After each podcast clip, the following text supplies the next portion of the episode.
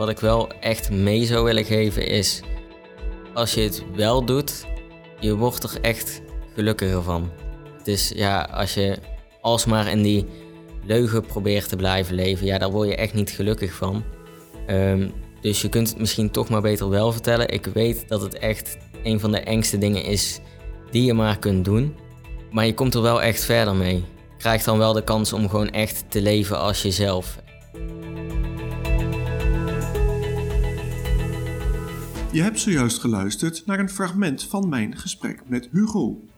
Hugo is transgender en hij studeert aan de lerarenopleiding bij Fontes Hogeschool in Tilburg. Mijn naam is Ronald Scheer en binnen Fontes Hogeschool ben ik docent bij de opleiding Megatronica in Eindhoven. Ik wens je veel plezier bij het luisteren naar aflevering nummer 7 van de podcastserie van Fontes Pride.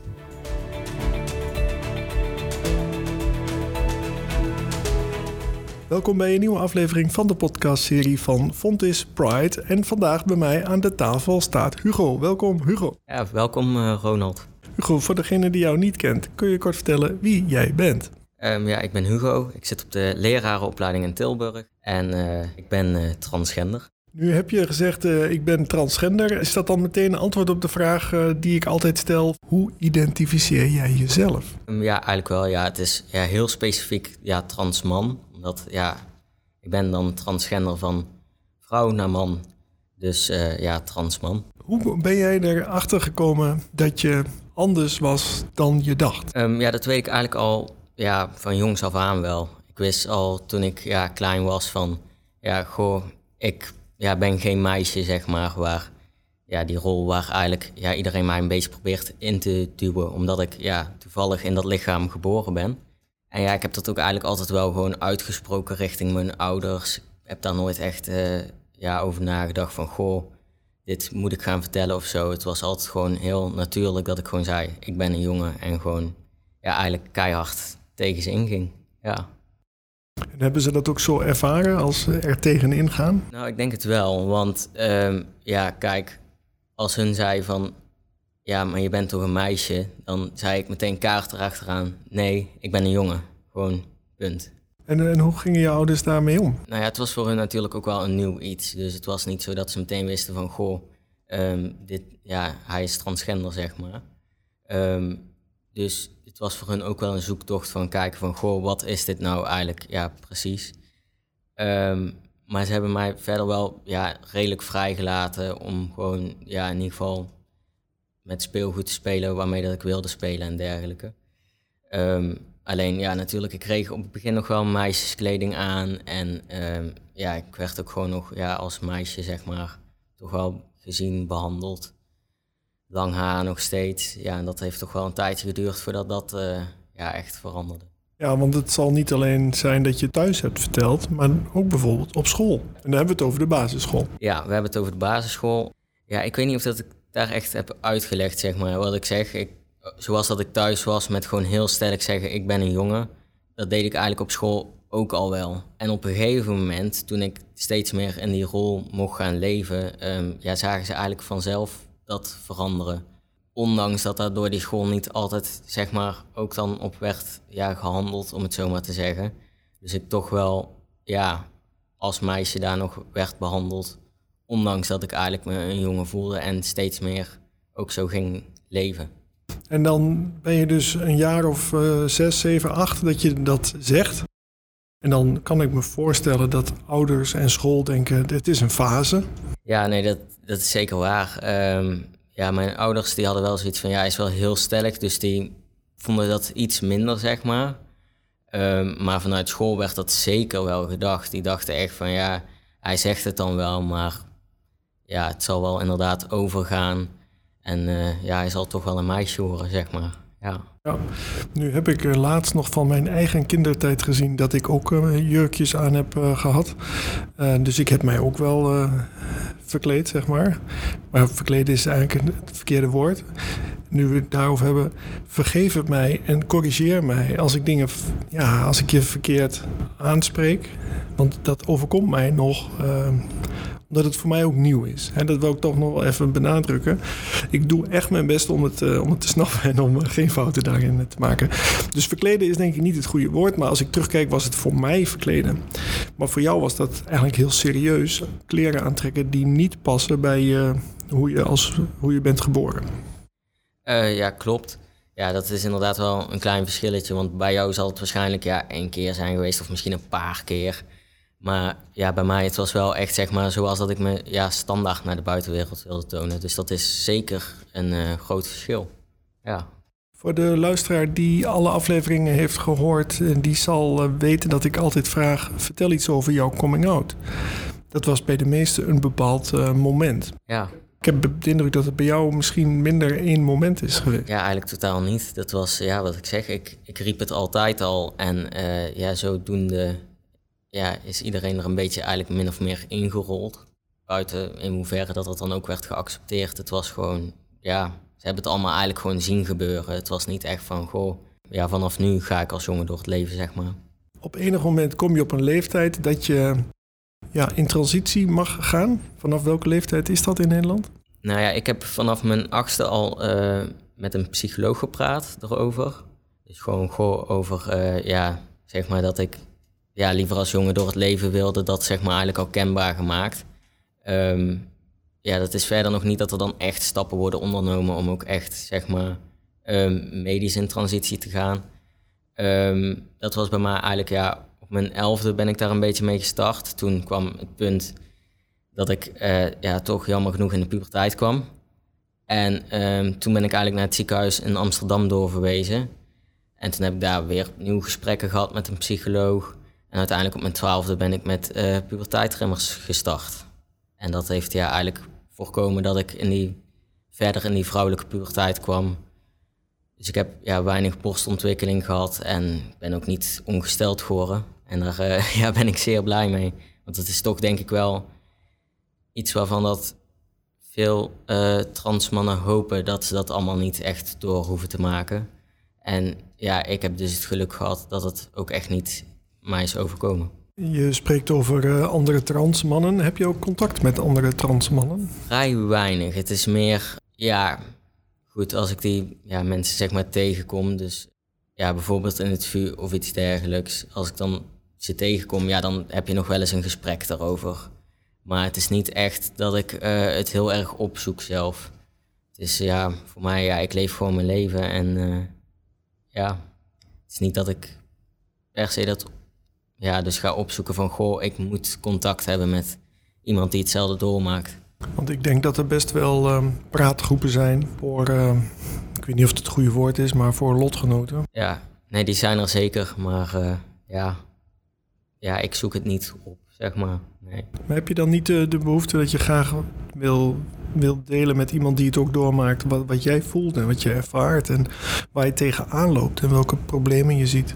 Ja, nee, niet per se eigenlijk. Ik bespreek het wel met vrienden en zo en met familie. Maar het is niet dat ik per se daarvoor iemand nodig heb die hetzelfde doormaakt, zeg maar. Ik uh, ja, heb zat andere mensen waarmee dat ik daarover kan praten. En die uh, gelukkig daar ook ja, heel open in staan om dat ook gewoon aan te horen. Nu zeg je dat je op je twaalfde bent begonnen met de puberteitsremmers. Ondertussen ben je al een paar jaar verder. Ben je ook ondertussen verder in je transitie? Wil je daar wat over kwijt? Zeker, ik ben zeker verder. Um, ja, want daarna toen, ja, ik heb dus een paar jaar puberteitremmers gebruikt.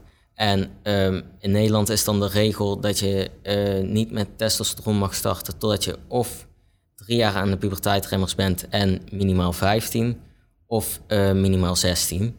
En nou ja, goed, omdat ik op mijn twaalfde was gestart, mocht ik dus ook op mijn vijftiende aan de testosteron. En uh, ja, dat is inmiddels al ja, ruim vijf jaar dat ik daar aan zit. Vervolgens uh, heb ik op mijn zestiende, want dan mag je officieel uh, je geslacht op je ID en je geboorteakte laten aanpassen. Dat heb ik op mijn zestiende eigenlijk gedaan. En op mijn achttiende heb ik mijn eerste operatie gehad.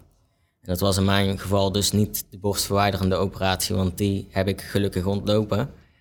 Um, maar dat was de verwijdering van baarmoeder en eierstokken.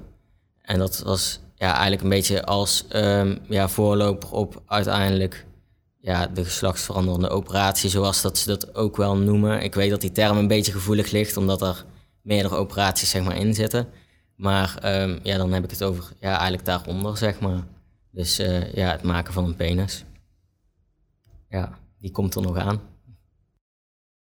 Ja, maar ik, ik ben niet bekend met de, de, de operatie. Um, misschien wil je er ook niet meer over, over delen. Um, misschien kun je, kunnen we in de show notes verwijzen naar een website waar meer uh, plastisch wordt uh, uitgelegd wat het dan precies inhoudt. Um, ja, die is er zeker vanuit het VU. Dus uh, ja, het zou misschien wel goed zijn om daar inderdaad een verwijzing naar te maken. Ja, ik kan het ook wel kort uitleggen. Wat het eigenlijk inhoudt is, je, je hebt twee verschillende soorten. En bij de ene maken ze vanaf lokaal weefsel eigenlijk ja, een kleinere penis. En um, bij de ander dan pakken ze ja, een stuk huid van jezelf en die transplanteren ze eigenlijk daarheen. En dat wordt dan ja, een penis op wat meer, ja, zeg maar, doorgesneden grootte. En uh, ja, in mijn geval, ik gaf die tweede jaar grotere optie. Hoe dat ze dat dan eigenlijk verder doen, want er zit natuurlijk nog meer aan. Um, dat is, ze maken eigenlijk van de uh, schaamlippen maken ze de balzak. En daar kunnen ze dan ja, eigenlijk ja, balimplantaten in doen. Dus dan krijg je echt gewoon een ja, balzak zoals dat die eruit zou moeten zien.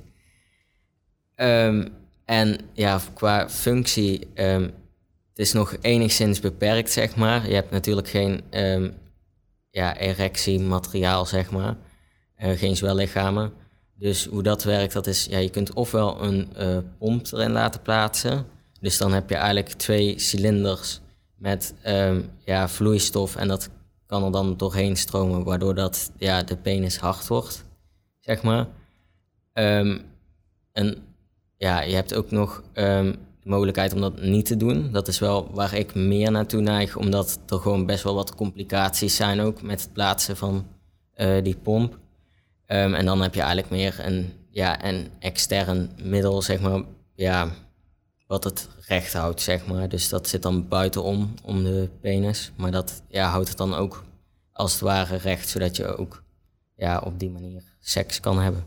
Oké, nou, ik wist dat niet. Het is eigenlijk wel tof dat het kan. Ja, zeker. En dat je ook uh, kennelijk een keuze daarin uh, hebt. Wel tof dat je van tevoren uh, over kan nadenken wat je dan zou willen. Ja.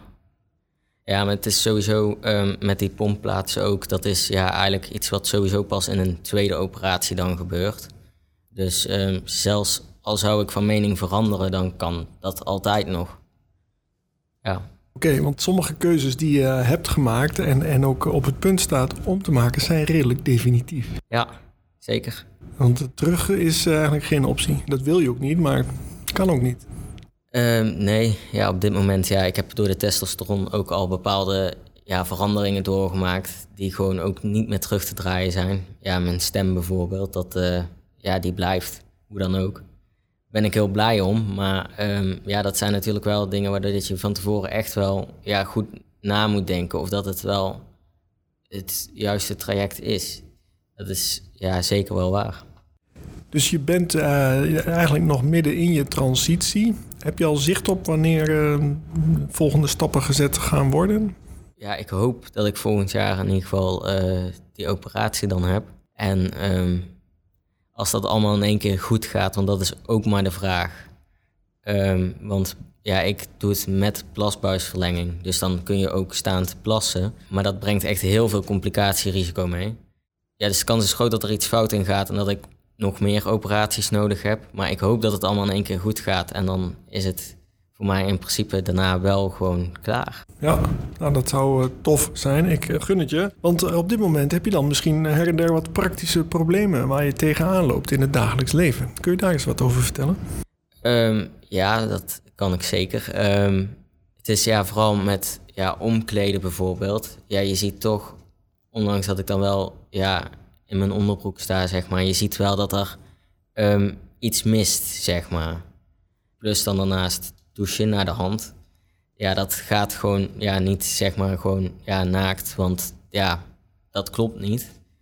En um, ja, met naar de wc gaan dan inderdaad. Het is toch, ja, je hebt uh, bij mannen wc's, je hebt gewoon uh, ja, die staanbakken, zeg maar. En ja, daar kan ik geen gebruik van maken. Ja, heel simpel. En ehm, dat is toch wel iets wat altijd confronterend is, omdat je, je ziet dat anderen dat wel kunnen. En jij moet toch weer naar dat hokje toe, of je moet toch weer ja, in een onderbroek dan douchen.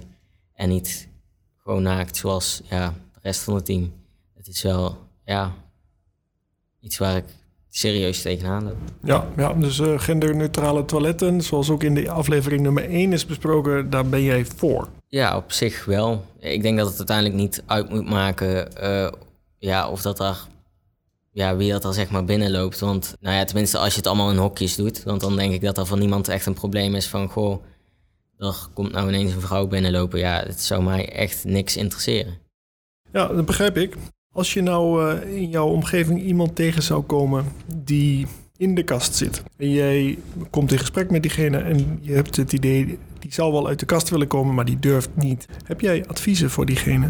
Nou, een advies um, weet ik niet zozeer, maar wat ik wel echt mee zou willen geven is, um, als je het wel doet, je wordt er echt gelukkiger van. Het is ja, als je alsmaar in die leugen probeert te blijven leven, ja, daar word je echt niet gelukkig van. Um, dus je kunt het misschien toch maar beter wel vertellen. Ik weet dat het echt een van de engste dingen is die je maar kunt doen. Maar je komt er wel echt verder mee. Krijgt dan wel de kans om gewoon echt te leven als jezelf. En um, ja, niet alsmaar een leven te leiden wat, ja, wat je eigenlijk gewoon niet bent. En nu heb jij van jongs af aan gezegd tegen iedereen: Ik ben een jongen. En daarin hebben jouw ouders en jouw vrienden ook heel erg gesteund. Kun je eens vertellen hoe, hoe jouw vrienden daarmee eh, mee om zijn gegaan? Of nog steeds? Um, nou ja, als ik nu ja, nieuwe vrienden ontmoet of zo, dan merk ik eigenlijk dat op het moment dat ik het vertel, dat het vaak, nou ja, misschien wel van op wordt gekeken van, goh, dit had ik niet verwacht of zo. Maar er wordt niet echt een heel groot punt van gemaakt van, goh, dit is ja, iets fout, zeg maar. Of um, of zelfs gewoon iets goeds. Het is meer gewoon van, ja oké, je, je doet je ding en uh, ja, dat maakt ons eigenlijk niet uit verder. Is dat dan omdat je die vrienden tegenkomt bij instanties zoals het COC of speciale cafés uh, waar LHBTI? Um, ehm, nee, niet eens. Maar ja, ik denk dat je toch ja, een beetje ja, soort van automatisch de, de mensen die, die het niet accepteren, toch al wel een beetje zeg maar dat vaak voorafgaand ziet. En dat je die dan toch ja, meer ontloopt, zeg maar. En ja, alleen als ik echt weet dat mensen mij ja, waarschijnlijk wel gaan accepteren, dan pas kom ik eigenlijk uit de kast. Ja, dat begrijp ik uh, heel erg goed. Um, we hebben het gehad over je ouders eerder in het gesprek en nu ook over je vrienden. Maar misschien spelen Fontis-docenten en de studie loopbaanbegeleider, misschien spelen die ook wel een belangrijke rol. Kun je daar eens wat over vertellen? Um, ja, nou ja, het is denk ik voor uh, het fonds is heel erg belangrijk dat docenten ook weten um, ja, zeg maar hoe dat ze ermee ja, het beste mee om kunnen gaan. En ik merk ook dat het in veel gevallen heel goed gebeurt. Dus net als mijn SLB'er, daar ben ik gewoon ja, vanaf het begin af aan gewoon eerlijk over geweest. Van ja, goh, ik ben transgender.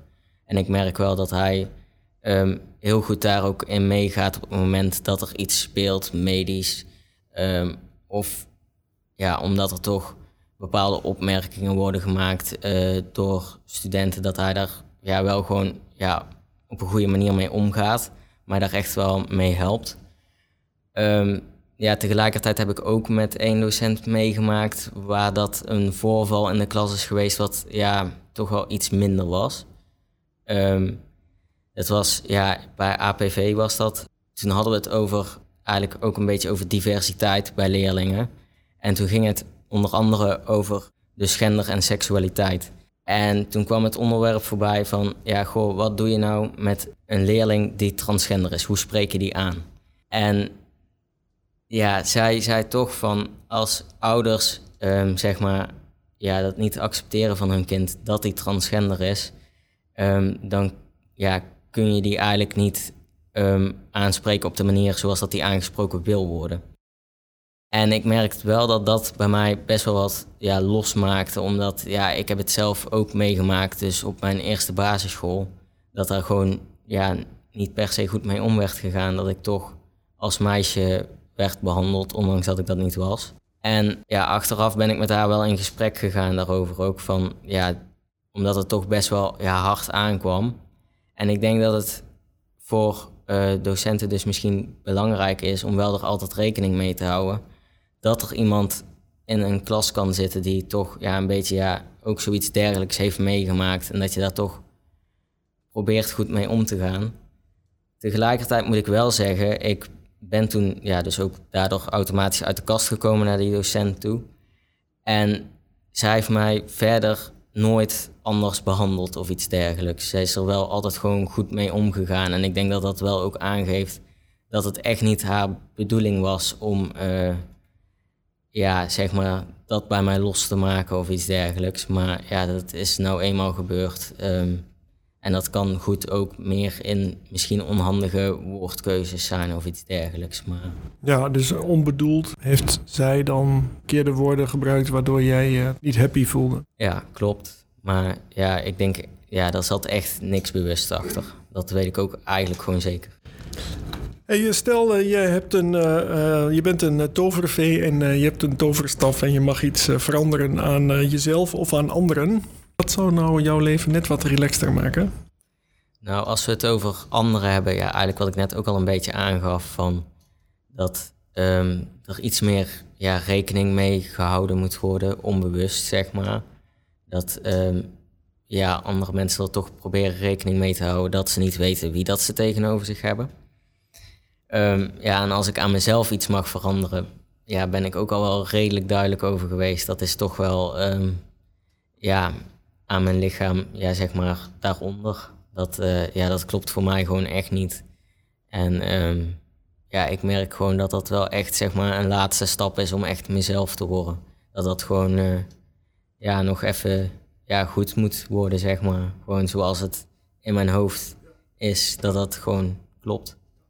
Top. Een van mijn afsluitende vragen is altijd: uh, door wie of wat word jij geïnspireerd? Het kan zijn een boek, een video, YouTuber, Um, nou ja, een video die mij heel erg heeft geïnspireerd um, was de video van Nicky de Jager, waarin dat zij uit de kast kwam.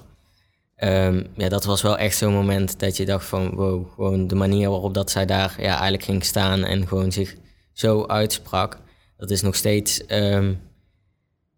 ja, gewoon wel een voorbeeld van hoe dat, hoe dat je dat zo krachtig kan overbrengen. Ik merk ook dat als ik een coming-out plan, zeg maar. Dat doe ik niet heel vaak, maar soms wel. Dan ehm, kijk ik vaak nog steeds die video voorafgaand. Gewoon puur zo van, ja, om een beetje erin te komen van zo krachtig kan het zijn. Ja, en die coming-out plannen, zoals jij het benoemt, dat is dan bijvoorbeeld met mensen die je nieuw hebt ontmoet, die je wat beter leert kennen, die jij dan vertrouwt en die je dan toch wil meenemen in jouw reis, in jouw gedachten. Ja, Heel goed. Is het een idee om tegen de luisteraar te zeggen, als ze graag contact met jou willen, dat ze dat via mij doen? Uh, dat is zeker een goed idee. Ja. Dan rest mij niks anders dan jou te bedanken voor dit gesprek. Ja, jij uh, ook bedankt voor ja, mij uh, uit te nodigen. Ja, ik vind het heel mooi dat je dit wilt delen. Het is ook, je krijgt daar energie van door deze verhalen kan ik denk ik ook andere studenten helpen. Ik heb natuurlijk zelf ook, ben zelf ook studieloopbaanbegeleider. En ik weet ook zeker dat ik collega's kan inspireren om ook anders naar jouw verhaal te gaan luisteren. En ook anders studenten te gaan benaderen. En dat is wat mij enorm veel energie uh, geeft. En ik weet, dat hebben we in het voorgesprek ook uh, besproken, jij en ik. Ik weet ook dat jij graag anderen zou willen, willen inspireren en motiveren om ook jezelf te zijn en om voor jezelf op te komen. Zeker, want uiteindelijk, ja, je wordt er gewoon echt gelukkiger van door uh, ja, dit traject in te gaan. Tenminste, als dat is hoe je je voelt, dan zeker. Het is echt, ja, eigenlijk ja, de enige weg. Ja. En ik wil tot slot ook de luisteraar bedanken voor het feit dat je tot het einde bij ons bent gebleven.